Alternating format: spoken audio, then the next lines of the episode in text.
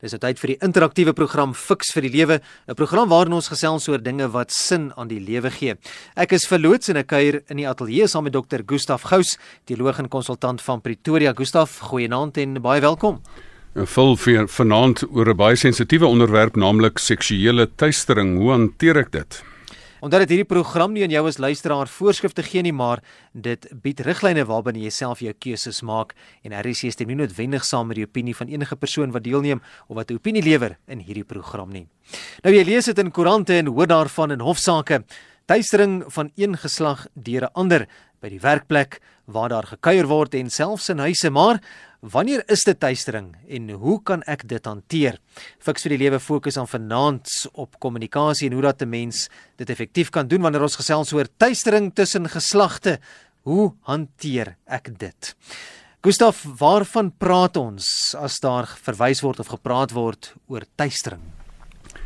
Ek wil dit eerstens stel dat vanaand se rede vir vanaand se program is om mense wat slagoffers is te help om daar uit te kom en dit te vermy.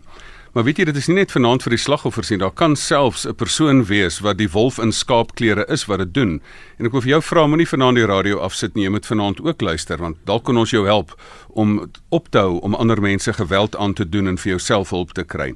Maar die derde kategorie is ook dan vir mense wat regtig goed bedoel en wat half um, onbeplant of deur onkunde in 'n in die modder trap of dan um, gevang word in hierdie hele proses. So ek dink dit is die drie redes vir vanaand: verslagoffers vir wolwe in skaapklere en dan dan ook vir mense wat dan half um, onwetend in die moeilikheid hierso trap en daar uit kan bly. Maar as ons praat van um, seksuele teistering, wat bedoel ons daarmee? Dit is seksuele dade sonder toestemming. Dit is fisiese, verbale of nie-verbale gedrag van 'n seksuele aard wat nie verwelkom word deur 'n ander persoon nie, waarvoor die ander persoon nie toestemming gegee het nie of wat afgeforceer word op 'n ander persoon.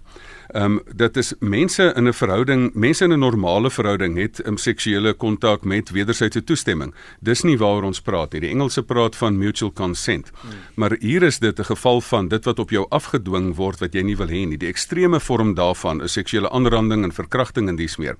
So wat ons nie oor praat nie, is hierdie gewone kwessie van in 'n romantiese verhouding van flankeer nie. Dit is maar iets wat mos nou maar in 'n wanneer mense 'n huweliksmaat soek. Dit is mos maar basies nou hoe mense by mekaar uitkom. Maar hier is dit konteksgebonde, soos byvoorbeeld in 'n werkplek waar hierdie goeters nie geduld kan word nie. 'n Baie belangrike gesprek wat ons vanaand gaan voer en jy's welkom om saam te gesels. Stuur gerus jou SMS na 45770. Jy het ons 'n bietjie daarin geraak, Gustaf, toe ons op die oppervlak so 'n bietjie begin krap het, maar watter soorte tuistering is daar? En vol daar is baie soorte tuistering. Kom ons maak dit nou maar fisies, verbaal en nie verbaal. En fisies word jou persoonlike ruimte binne gedring. Met ander woorde, ehm um, of waar 'n aanraking van liggaamsdele of privaat dele. Ek onthou daar's een keer uh, of dit nou 'n urban legend is of nie, maar een van my um, koshuisvriende se pa uh, was 'n dominee onder die Portugese mense byvoorbeeld onder aan Europa en hy daar's 'n storie oor hom wat vertel word dat hy in die straat afgestap het en toe 'n Italianer sy vrou se bout geknyp. En toe het hy blykbaar die die flamboyante Italianer gepos dat hy daar getrek het hierdie ou het al um, skreeuend het hy weggehardloop en dis meer. So dit is wanneer wanneer iemand jou persoonlike ruimte binnendring of iemand aanraking doen of dan um, ja, sekere um, aanrakings doen wat dan is. Maar verbaal kan dit ook dan wees insinuasies. Ehm um, dit kan suggesties wees, dit kan onvanpaste WhatsApp um, boodskappe wees of SMS'e. Dit kan tuisterende telefoonoproepe wees. Ehm um, dit kan letterlik opmerkings wees oor oor liggaamsdele. Dit kan sommer net 'n aaklige ou fluit wees um, wat sommer net pleinweg um, ongeskik is. So dit kan grappe wees, dit kan beledigings wees, dit kan grafiese kommentaar wees. Ek onthou jare terug op 'n oorseese toer het eh, het um, was ek nog 'n klein seentjie en toe daar ook 'n Italiaaner verbygekom en vir my suster van haar um, liggaams dele grafies gekomplementeer en en en dis meer. So dit, dit is die tipe van verbale tuistering wat plaasvind.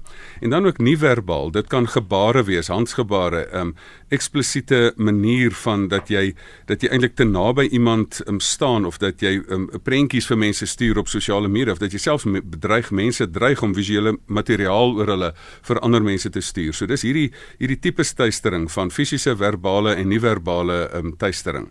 Jy is welkom om jou SMS ook anoniem te stuur as jy graag wil. Ek gaan nie noodwendig name noem, dit is 'n sensitiewe onderwerp soms. Hier is ook iemand wat laat weet dat ek los die naam uit. Ek wonder maar net van die emosionele tuistering van mede-inwoners hier in die ouete huis. Ek dink on, onthou emosionele tuistering, daar's verskeie forme van tuistering. Nou die onderwerp is so breed. Mens kan praat van werkstuistering en emosionele tuistering en en dis meer. Um, vanaand gaan ons so 'n bietjie fokus op die hele kwessie van van seksuele tuistering. Um, maar hierdie onderwerp is so breed dat so baie mense word geboelie um, ja. in in tuistering, boelie gedrag. Ons gaan nie vanaand nou daar praat nie, maar tipiese boelie gedrag by 'n skool is ook tuistering en dis meer. Maar hier is nou daai spesifieke ding waar jy waar daar 'n grens oorgesteek word, um, wat dan veral op um, fisiese um, gebied dan plaasvind. As jy 'n bietjie praat ook van daai grens wat oorgesteek word. Gustaf het nou 'n SMS ook ingekom van iemand wat spesifiek vra oor waar kan daar hulp gevind word? Die persoon verwys hier na 'n vriendin se dogtertjie wat getuister word. Sy moet 'n uh, ouer persoon gelukkig hou. Sy's maar 12, die man is in die 60s. Dan vra die persoon: "Waar wat kan ons doen? Waar kan ons kan ons hulp kry?" Vol uiteraard is daar 'n geweldige klomp hoeveelheid plekke waar jy kan hulp kry. As dit in familiekonteks plaasvind, dan is daar nou altyd altyd natuurlik maatskaplike werkers wat jy onmiddellik moet kontak. Jy kan na spesifieke ehm um, sielkundiges toe gaan in in die omgewing. Ehm um, jy kan elke persoon wat tuistering pleeg, het iemand wat bo hom aangestel is. Dit het gewoonlik met 'n magsposisie te doen soos 'n ouer persoon wat nou kwansuis mag het op iemand anders. Daar's altyd bo daai persoon 'n ander persoon wat meer mag as daai persoon het. Die laaste instansie is jy kan um, na 'n veilige ander volwassene toe gaan en daar gaan hulp kry. Um, jy kan na um, die groot hartseer is as 'n ander persoon dan die dan dan die ding toesmeer soos wat 'n mens nou onlangs beleef het. Byvoorbeeld um, die die groot ding wat in Amerika nou aan die gang is, byvoorbeeld die Rooms-Katolieke Kerk. Nou ter goeder trou stuur mense nou hulle kinders sing in die koor en dan is daar nou allerlei vatterige priesters en dis meer. Um, en dan gaan hulle na die senior persoon toe en dan word dit nou nie noodwendig op die regte manier hanteer nie. So dit is dan nog 'n groter vertrouensbreuk. So jy moet regtig na veilige ouer ouer mense toe gaan, maar die laaste instansie, die groot ding wat dan in vandag se tyd is, daar's so baie goed wat in die geheim gedeel kan word of um, maar in die 40er jare van die vorige eeu was daar nie joernaliste en sosiale media nie en dit wat in 'n klooster deur een kant in die in die donker gebeur het kon nie ontmasker word nie. In vandag se tyd is dit eintlik ongelooflik maklik dat daar is hulptelefoonlyne, um, daar is verskillende maniere jy moet net jou mond oopmaak oopmaak en praat. En al gaan jy na 'n joernalis toe wat daar's altyd 'n um, ondersoekende joernaliste wat 100% bereid is om mense wat weerloos is te beskerm in hierdie verband. Ek dink die antwoord lê daarin moenie stil bly nie. Absoluut. En ek dink dit is wat die mense groot gewoonlik doen. Hulle dreig jou gewoonlik en sê moenie ja. sê nie en dit en dit gaan jou benadeel en hulle wil jou laat skuldig voel dat jy dit doen. Dis die eerste ding wat jy vir jouself moet sê. Dis nie my skuld dat ek in hierdie situasie is nie. Um, ek moet so gou as moontlik my mond oopmaak voor daar te veel skade kom. Gustav, wat se watter vorm of forme hmm. kan tuistering in die praktyk aanneem? Sjoefel, dit is on, dit is 'n um, ongelukkige harde werklikheid, maar vir my ook eintlik gelukkig dat daar so 'n uh, soveel pers aan hierdie ding gegee word. Ehm um, een van die groot dinge wat nou in die in die wêreldpers aan gang is is is Harvey Weinstein, dit wat hierdie 'n persoon is wat dan half die gatekeeper was vir mense as jy wil in die industrie inkom, dan moet jy nou maar eers by hom verbykom en vir hom allerlei gunsies doen. So dit kan vorms aanneem dat jy wanneer jy in 'n in 'n industrie wil inkom, dat jy dan die persoon vir jou sê maar ek is die ek is die hekwagter daarvoor. Ek het ehm um, kliënte ge, gehad in die Midde-Ooste wat dan besigheid bedryf het en die seuns van die spesifieke groot um, besigheid daar ehm um, het deel van die werks onderhoud het hy gesê maar goed jy het nou die werk gekry maar dis nog nie die laaste ou dingetjie wat jy moet doen nie. Ehm um, jy moet nou eers nog saam met saam met my allerlei dinge doen saam met die seun en dit was dis klassieke voorbeelde van wat mense aan blootgestel is. Ehm um, dan is daar forme van ehm um, van ehm um, in in kom ons sê nou maar um, in die onderwyswêreld, dosente in in skole, dit is verskriklik ook hoe die hoeveelheid swangerskappe is daar in in skole wat dan van onderwysers afkom. Dit sê maar luister, raai wat jy sal deurkom as jy nou allerlei gunsies bewys en wat die hartseerste van alles is is dat in in weerlose situasies kom weerlose mense na die hulpprofessies toe in enige spreekkamer. En dit is my een van die heel hartseerste goeters is dat daar uh, spreekkamers in in predikantspreekkamers, sielkundige spreekkamers, psigiatriese spreekkamers, lewensafrigter coaching spreekkamers is dat mense daai weerloosheid van mense misbruik um, en dan dan daar grense oorsteek. So dit is vir my dis vir my verskriklik hartseer. Daar's in Amerika nou al amper 'n lys van um, 200 CEOs, um, bekendes um, um, sogenaamde celebrities, bekendes, um, sogenaamde akteurs, 'n um, verskeidenheid van mense. Ongelukkig is dit in elke wêreld en elke deel van die wêreld. Dit is nie net in kerke nie, dit is nie net in besighede nie. Um, maar dit is dan ook 'n ding wat veral in die besigheidswêreld voorkom. Wanneer iemand veral oor jou bevordering en oor jou werk en een of ander oor jou betaling, een of ander mag het, dan uh, vra baie keer mense wat um, van swak karakter vra hulle dan vir jou dan allerlei verkeerde gunsies. Maar die vraag is dan Gustaf, joh, dit is dis ergens mens al hierdie stories hoor. Hoekom doen mense dit? Waarom tuister mense mekaar? Vol weet jy, dit is vir my baie um, interessante vraag want um, soos soos ek van nou, jy weet daarvan op fiks van die lewe ouens daarvan om nie net by die simptome uit te kom nie, maar by die grondoorsake. Iemand wat wat wat die wolf in skaapklere is, wat seksuele teistering pleeg, is eintlik iemand wat wat sy eie um, kom ons noem dit nou maar deficiencies het, hy sy eie tekortkominge het. Dit is iemand wat aan die een kant eie stukkendheid het wat 'n ernstige behoefte aan aanvaarding het of 'n behoefte aan aan liefde het of dis meer en dan nie uit eie krag, nie in in homself of haarself sterk genoeg is om op 'n gewone manier te te in verhouding te tree nie en dan dit nou maar slegs kan 'n magsposisie kan misbruik om nou hierdie aandag te hierdie tekortkominge te, te vervul. Ehm um, so dit is een ding. 'n Ander ding is gewoon net ongebreidelde boosheid um, wat jy dan iemand net gewoon 'n roofvoël is wat wel is wil uit um, wil uitleef um, en dit is dan nie maar net 'n verskoonbare ding ja dit is 'n persoon van, van wat eie pyn het wat dit nou maar so doen nie. Wat mense eintlik maar basies moet besef um, mense wat ander mense tyd tuister um, dit is nie mense beskou jou die buitewêreld beskou jou nie as hierdie magtige persoon wat wat iets iets goeds kan doen nie. Maar dit is eintlik maar 'n stukkie um, patetiese kyk wat mense daarop het van mense wat nie in hulle self genoeg genoeg um 'n krag en mag het nie, wat dan uit 'n posisie van 'n misbruik van 'n magsposisie dan moet intree om hulle hulle gunsies en allerlei goed by mense te kry. Is 'n geskakel by RSG Fix vir die lewe is die naam van die program 100 tot 104 FM. Ons gesels vanaand oor tuistering tussen geslagte. Hoe moet ek dit hanteer? My gas is Dr. Gustaf Gous. Onthou jy kan 'n SMS stuur 45770 teen R1.50. E-pos ook welkom deur middel van ons webblad. Dis rsg.co.za of gesels saam op Facebook as dit dalk bietjie te sensitief vir jou is om oor die radio daaroor te bespreek, dan kan jy gerus op Facebook saamgesels. Die bladsy se naam is Fix vir die lewe. Nou, hoe word iemand prooi van 'n ander een se tuistering? Gustaf, is lê die fout by jou of is dit hoe gebeur dit? Ag, vol, dit is vir die mense wat tuister die wolwe in skaapklere wil veral vir die die persoon wat die slagoffer is laat verstaan van is eintlik maar jou skuld en dit is jy wat dit gedoen het en en dit is jou en jy moet nou maar stil bly daaroor. Ek dink ek wil eers eerstens sê um, as jy die slagoffer is, moenie laat iemand dit jou wys maak nie. Wees onmiddellik die fluitjieblaser wat dan dan gaan sê, "Maar luister, dit is wat gebeur en um en dit is nie jou fout dat dit basies gebeur nie." Dit is gewoonlik iemand wat in 'n weerlose situasie is, um en wat dan wat dan deur in 'n magsposisie is. Dis daar's altyd hierdie goue draad van dit is iemand wat in 'n magsposisie bo jou is, wat dan 'n weerlose persoon onder hom op een of ander manipulasie mag oor daai persoon kry en dan jou dan afdreig van jy kan of jou werk verloor of jy gaan nie deur kom nie, um, of jy gaan nie jou bevordering kry nie, of jy gaan nie hierdie hierdie rol kry nie en en en en dit is dan hoe mense prooi word. Wat natuurlik wel waar is, um, daar is ook 'n verantwoordelikheid van die persoon wat die prooi word.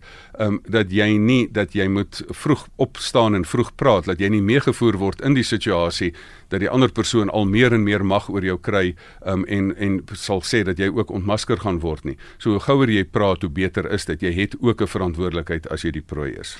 Dis nie altyd so maklik om daaroor te praat dink ek nie Gustaf want ehm um, die persoon hou nie noodwendig altyd op nie. Hier's 'n SMS wat ingekom het van iemand wat sê ek het saam met 'n persoon gewerk wat elke keer wanneer my gesien het, dan fluister hy so saggies in my oor dat ek baie mooi sekere liggaamsdele het en dan het ek baie kwaad geword, dan wil hy hom doodlag. Ek dink is vreeslik snaaks. Ja, en die gevaar is wanneer mense dan so iets doen, wanneer jy dan omdraai en dit dan sal hulle hulle allerlei manipulasie tegnieke om te maak asof jy dan die persoon is wat die wat die skuldige is.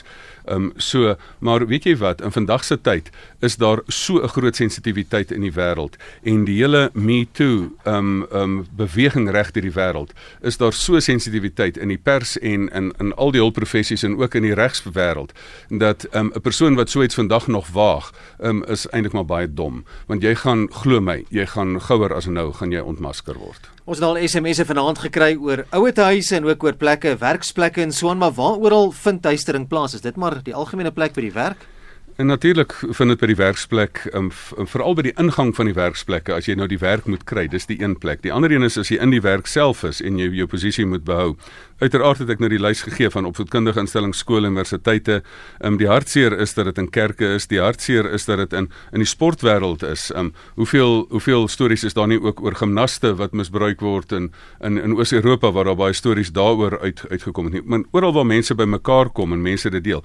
Die hartseerste is wanneer dit ook in families voorkom is dat dat mense daar ook mag oor ander het. Um, en vir my is die regtig die hartseerste van alles en dit is um, dis jammer om dit ook te sê maar dat dit ook ongelukkig in spreekkamers voorkom. Ehm um, dat mense byvoorbeeld nie die nie die wysheid het nie. Ek ek sê altyd daar is dit en dit is nie net swak opleiding nie, dit is dan eintlik maar meer ook dan um, swak van karakter. In spreekkamers is daar baie keer mense wat dan baie diep persoonlike inligting met iemand deel. Ehm um, en en 'n persoon wat goeie opleiding byvoorbeeld in 'n spreekkamer kry, as iemand nou sê nou maar diep uh, dinge deel oor privaat slaapkamer sake of dies meer, dan um, is dit nodige inligting daarvoor.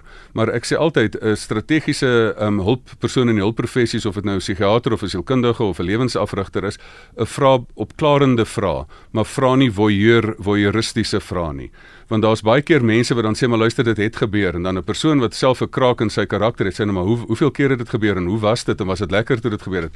Ek wil die oomblik wanneer iemand op daai ding ingaan dan moet jy vir daai persoon in die spreekkamer sê luister luister meneer luister mevrou.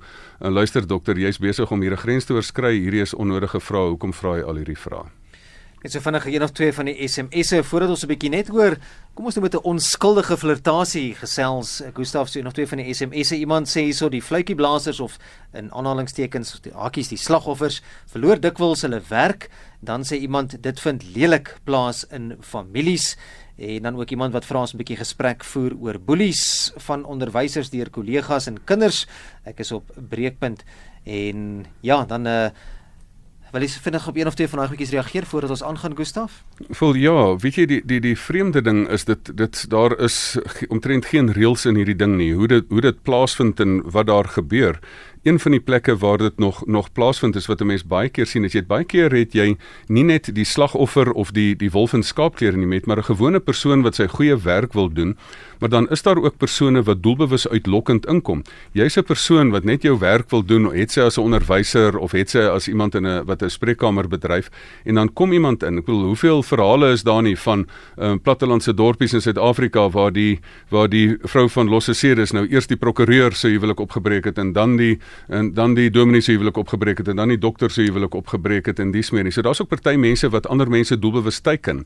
Daar's ook dinge wat dit omkeer dan sit mense wat jou doelbewus teiken en as jy dan daaroor um, na die media toe gaan en dan begin hulle jou sommer aankla van van um, seksuele teistering en dis meer. So so hierdie goeters is is 'n is 'n baie sensitiewe saak. En daar's ook baie keer mense wat dan um, in hierdie in hierdie amper sê ek in hierdie in hierdie modder intrap omdat jy gewoon net kultureel baie keer nie nie die regte ding ding doen nie of weet hoe ver 'n mens dan um, oor 'n sekere onderwerp kan praat nie. Ek bedoel ek kan oor sekere onderwerpe kan in Suid-Afrika praat. Ek kan 'n vrou se hand skud, maar ek kan nie in 'n in 'n Arabiese land byvoorbeeld um, kan ek dit doen in die openbaar nie. Ek byvoorbeeld met selfs my PowerPoint presentations moet ek anders maak want anders is dit seksuele teistering. Ek het ek het selfs nou die dag in New York was ek amper self in die moeilikheid. En daar vertel ek 'n 'n 'n grappie met 'n ou innuendoetjie wat mense in Suid-Afrika voor gelag het en daar in die geweldige regstegniese hiperkorrekte wêreld, um, is, is daar 'n Suid-Afrikaanse vrou wat opspring en besef maar ek trap nou hier in die moeilikheid in. Daar sê sy, luister mense, luister dames, hierdie ek's van Suid-Afrika, hierdie persoon is van Suid-Afrika, hierdie 'n kulturele ding. Uh, laat hierdie ou net verbygaan. Um, ek het na die tyd vir daai vrou gesê, dankie dat jy my uit die moeilikheid gehelp het, maar dit wys jou hoe maklik jy self 'n fout kan maak en dan amper met uh, goeie bedoelings dan onwetend 'n kulturele fout kan maak. Ehm um, so ehm um, hier is 'n ding wat mense regtig voor versigtig moet wees. Ehm um, en um, soos ek jou sê, dit is enige persoon, hy wat staan moet oppas dat hy nie val nie. Ehm um, jy moet jy moet maar nie dink jy's so heilig en dan dink jy jy kan nie self daai foute maak nie. Nou baie keer dink mense dit ding is net onskuldig. Gustaf, jy het self dit nou ervaar, maar waar trek 'n mens die streep? Uh, Veral baie keer word daar gesê maar dis sommer net 'n onskuldige ou flirtasie, dis komplimente wat oor en weer vir mekaar gegee word. Kan kan daardie flirtasie tussen geslagte as tuistering beskryf word? As jy 'n sosiale geleentheid is en jy sien iemand wat mooi en jy wil vir daai persoon allerhande goed in die oor fluister, dan is dit om ons deel van die konteks wat dit dan aan bepaal. So in die soeke na 'n lewensmaat in die hele dating proses, is dit nou mos maar jy mag mos nou maar vir iemand sê luister jy's baie mooi en aantreklik vir my en dis meer. Die oomblik wanneer dit 'n probleem raak as dit buite konteks gedoen word en as jy by 'n werkplek dit wil doen, dit is nie die doel daarvan nie. Ons is hier om te werk. Die tweede ding is dat jy dat jy vir jouself ook die die onderskeid moet maak van wat is die verskil tussen 'n kompliment en 'n flirtasie. Um jare terug, um toe ek nog jonk was, lees ek in 'n vroue tydskrif hierdie ding van wat is die verskil tussen letterlik komplimente en 'n flirtasie. En een van die beginsels wat ek vir myself toe nou neergelê het van daar af, as jy as jy vir 'n persoon sê, luister, jou rok is mooi, dan is dit mos nou 'n kompliment of jou parfuum ruik lekker. Maar wanneer jy vir 'n persoon by die werk sê, ehm um, jy ruik lekker of ehm um, sê wat jy sê is hoe jy dit um, sê. Jy lyk mooi. Ehm um, dan is dit nou mos nou is dit ja. nou mos bietjie anders. So daar is 'n fyn ja. grens tussen flirtasie en dan spesifiek tussen tussen tussen 'n klomp kompliment. Ja. Ehm ja. um, maar ehm um, dat jy veral as jy dan veral selfs in sosiale konteks buite die werkplek vir iemand sê jy lyk mooi en raai wat jy's 'n getroude man en dis 'n ongetroude vrou of dat jy 'n uh, ongetroude persoon is en daardie ander persoon is getroud, dan is jy nou mos doelbewus besig om moeilikheid te soek. As ons 'n bietjie prakties kan raak, Gustaf, hier's twee SMS'e wat ek graag wil ingooi voordat ek die vraag aan jou gaan stel. Die eerste een sê: "Hoe moet mens so 'n situasie hanteer wanneer die persoon jou nie wil los nie?" En die volgende een sê: Wat kan jy maak as iemand jou sê hy sal jou doodmaak? Nou, dit bring my by my vraag, hoe kan jy die tuistering stop? Veral as dit deur iemand in 'n gesagspos gesagsposisie afgedwing word op jou. Is dit moontlik? Vol um, in Suid-Afrika is dit 'n misdaad. Dit is wetlik strafbaar um, as daar iets is so seksuele aanranding of verkrachting of dies meer. In werksplekke is daar etiese kodes. By universiteite gaan op die websites in van werkplek universiteite en dan het hulle etiese kode daar rondom dat daardie persoon kan van sy pos onthef word as daai persoon ontmasker word. Daar is genoeg etiese hulplyne by elke maatskappy en dies meer wat jy dit kan doen. So as so 'n persoon nie ophou nie, ehm um, daai ding moet jy dan so gou as moontlik na 'n uh, na 'n uh, 'n uh, prokureur toe gaan en dat daai persoon vir jou sê luister sê dit is die WhatsApps wat ek kry, dit is wat ek het kry. Het sy moet ek 'n interdik teen hierdie persoon kry. Hierdie persoon moet geontmasker word en binne daai ruimte moet die persoon hanteer word. So, um, jy is nie magteloos nie. Jy moet so gou as moontlik vir jou regte opstaan. Anders gaan daai persoon jou meesleur in 'n in 'n plek in waarin jy nie wil wees nie. Voordat ons vanaand se program met afsluit, Gustaf, kom ons staan net so 'n bietjie stil by die die skade wat tuistering aan 'n mens doen en hoe dit jou menswaardigheid kan aantas. Wat, wat doen dit aan 'n mens? Ai, voel, dit is vir my dit is vir my so hartseer dat ehm um, dat dat mense dit kan mense se vertroue in die lewe verbreek. Dit kan jou 'n basiese assosiasie. Elke mens het tog die reg op 'n op 'n normale seksuele lewe en dat dit jou assosiasie daarmee van die begin af van 'n klein tyd af kan bederf. Dit kan maak mense in hulle self ehm um, twyfel. Dit kan maak dat jy in gesagsfigure twyfel en dies meer en dan met reg ook. Ehm um, so maar onthou net, ek glo dat geen skade nie geheel kan word nie. Ek is een van die mense wat mos glo dat niemand te stukkend is vir die timmerman van Nasaret om te genees nie. So so ehm um, binne daai opsig ehm um, ehm um, moet 'n mens moet 'n mens dit ehm um, dit ook weet. Dit kan herstel word. Maar natuurlik moet 'n mens dalk ook na die Bybel luister dat jy sê maar wie jou as jy iemand anders laat struikel. Ehm um, so ehm um, hier moet 'n mens aan die een kant met die persoon wat wat aan die ontvangkant was, dit kan geheel word, maar die ander persoon moet sy gedrag stop. En dan net laastens voordat ons afsluit, as jy dalk 'n wolf in skaapklere dalk self is, Gustaf, jy is een van hierdie ouens wat ander mense tuister. Hoe kan jy jou gedrag stop of verander? Vol, ek dink dit is geweldig belangrik dat wanneer jy 'n wolf in skaapklere is, um besef net, gaan kyk bietjie in die spieël en sê is dit die mens wat jy wil wees? Is jy nie meer werd um as om dit te wees nie? En gaan kyk in die spieël en besef maar luister, is dit nie dalk jou eie stukkendheid nie wat maak dat jy hierdie misbruik van mag doen nie? Um is dit nie dalk 'n teken van nie van mag nie, maar van swakheid nie? Uh, dat jy dat jy eintlik bietjie van 'n patetiese figuur slaan, dat jy nie die inner innerlike krag het om op 'n normale manier in verhouding te tree nie en moet prooi op weerlose mense. Tweedens moet jy dan gaan verheel word. Gaan so gou as moontlik verheel word dat daai um oormatige behoefte aan erkenning en aanvaarding en en dies meer dat jy dit uitsorteer. Kom tot 'n vergelyk met jou eie seksualiteit. Ehm um, en dan gaan jy um, in heen en sondig nie meer nie. En indien jy nie wil luister nie, verwag dat jy uitgevang gaan word. Hierdie Weinstein effek in die wêreld wat nou wêreldwyd posgevat het, het gemaak dat mense baie meer bemagtig voel en dat baie mense baie meer bereid is om mense se sondes aan die groot klok te gaan oophang. Um ophang. En of dit nou van Kevin Spacey is of Bill Cosby is of een of ander kerkleier of 'n plaaslike dominee op die voorblad van 'n koerant of die die die aantuigings rondom Magnus Malan of Bill Hybels watter kerk dit ook al is in die wêreld wanneer mense so iets doen gaan dit nie meer in die duister wees nie. Dit wat jy in die donker doen gaan op die voorblad van 'n koerant uitkom. Om vanaand se program saam te vat Gustaf hoe kan ek so optree dat ek nie die prooi van tuistering word nie Vol, weet jy, ek dink die heel belangrikste is is is jouself in daai situasies. Ek sê altyd, ehm um, jy het teenwoordigheid van gees nodig, maar in so 'n situasie is afwesigheid van liggaam baie beter as teenwoordigheid van gees. Ehm um, as jy uit die situasie kan uitkom, probeer uit die situasie uitkom.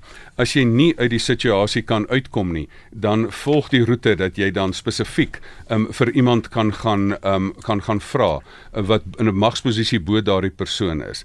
En as dit aan as alles dan val, ehm um, gaan na 'n veilige ander persoon toe en as alles val, gaan selfs na die pers toe. So so kan 'n mens um, uit hierdie situasie kan 'n mens basies daar uitkom.